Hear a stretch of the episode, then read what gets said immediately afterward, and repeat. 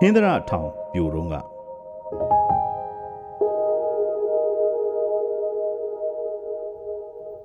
လွန်ခဲ့တဲ့နှစ်ပေါင်း450စိုင်ကယ်မရှိကားမရှိနဲ့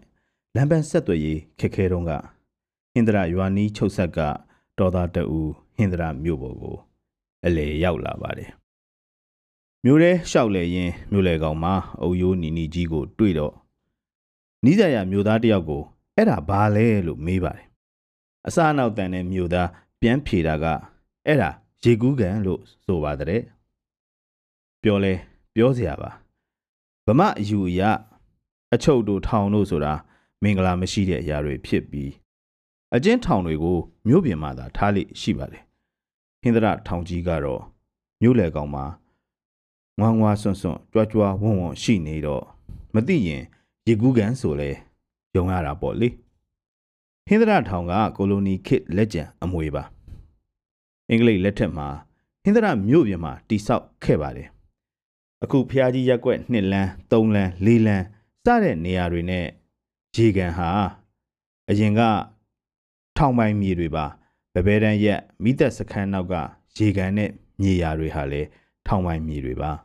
အကျဉ်းသားတွေစိုက်ပျိုးရေးနဲ့မွေးမြူရေးလုပ်တဲ့ထောင်ပိုင်းမြေတွေဖြစ်ပါတယ်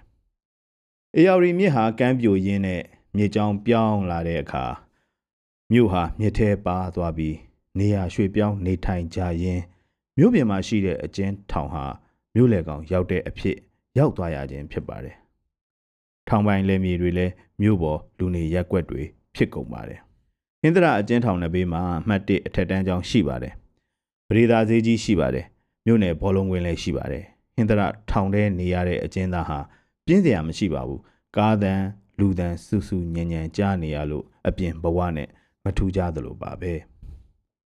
ဟင်္ဒရာထောင်ဟာကားငယ်အဆင့်အကျဉ်းထောင်ဖြစ်ပါတယ်ပြည်တံ9နှစ်အောက်အကျဉ်းသားများသာထားလိရှိပါတယ်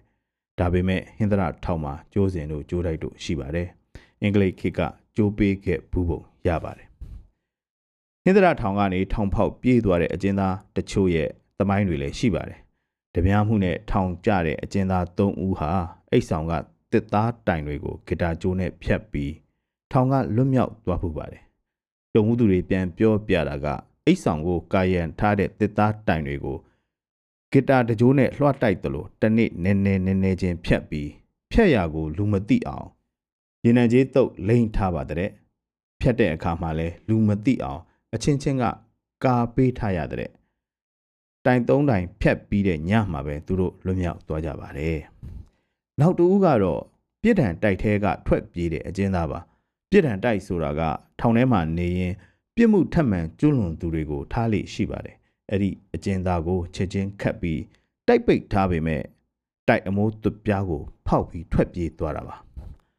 ခြုံအိတ်တဲ့ခြီဆောင်ကိုအလျားလိုက်ဆွဲဖြဲပြီးကျိုးလိုအတုံးချကအုတ်ခဲကိုချီးပြီးထောင်နှံရံပေါ်ပစ်တင်ရင် တွဲတက်ခဲ့သူပါ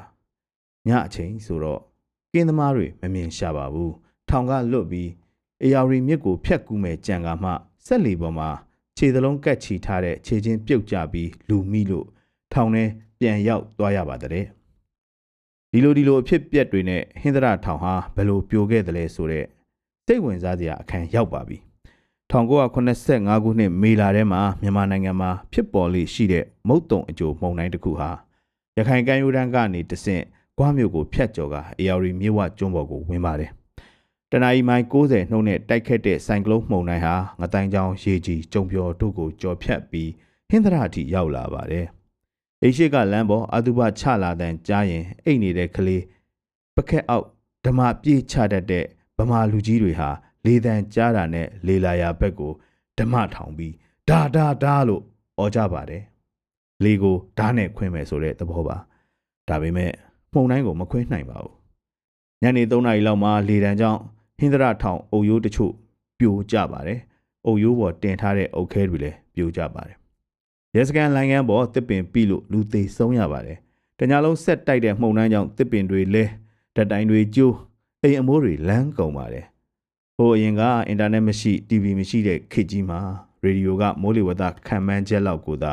နားဆွင့်နေရတော့တဘာဝဘေးအန္တရာယ်ကြိုတင်မကကွယ်နိုင်ကြပါဘူး။အခုလဲမုတ်တုံကြိုကာလရောက်လာတဲ့အတွက်မုံတိုင်းသတင်းတွေထွက်ပေါ်နေပါတယ်။ ARD Evan ပရိသတ်များဘေးပရာကင်းဝေးကြပါစေဗျာ။